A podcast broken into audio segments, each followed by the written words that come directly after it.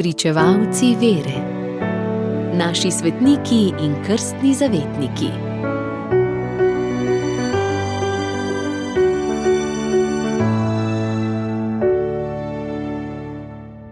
Danes, 9. aprila, goduje sveta Valtruda, redovnica.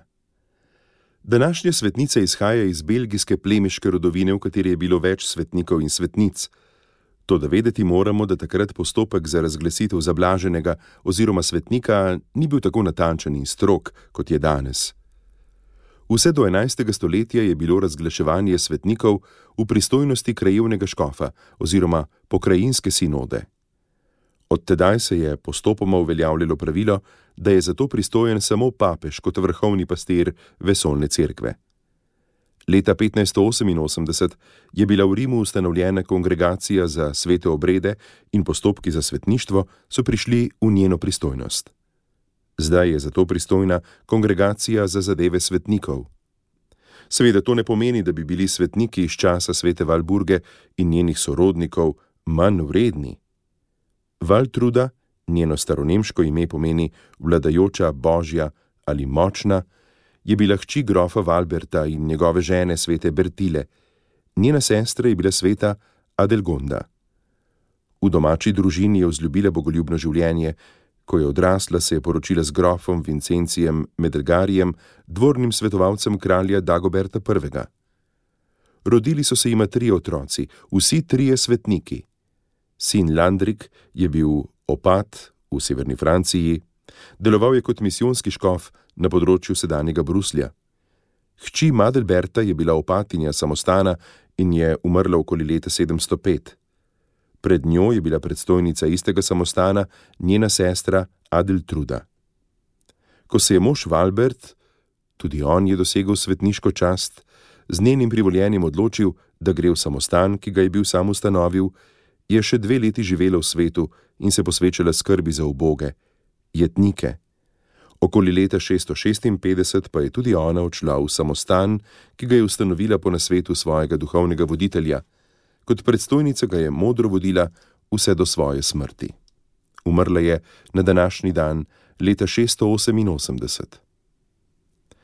V zvezi z njenim odhodom v samostan obstaja legenda, ki pravi, da jo je po tem koraku začela peči vest.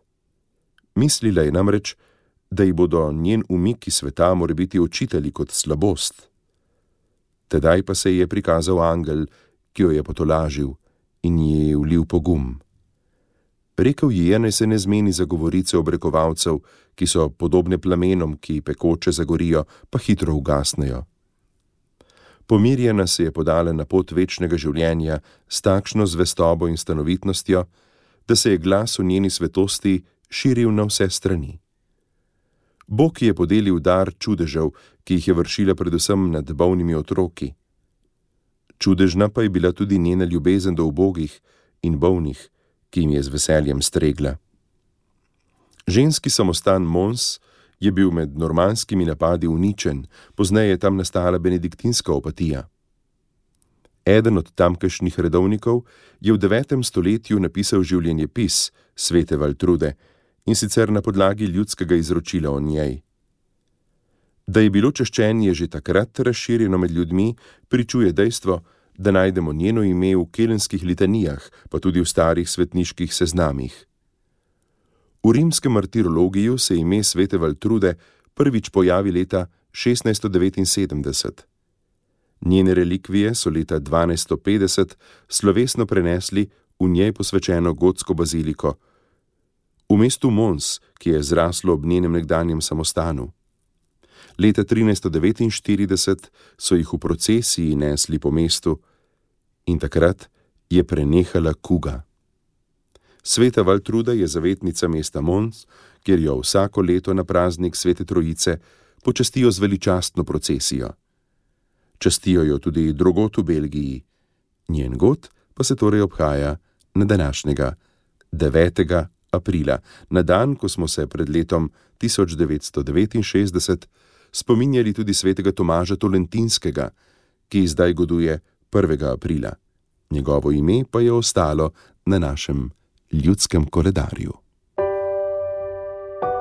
Radio Ognišče. vaš duhovni sopotnik.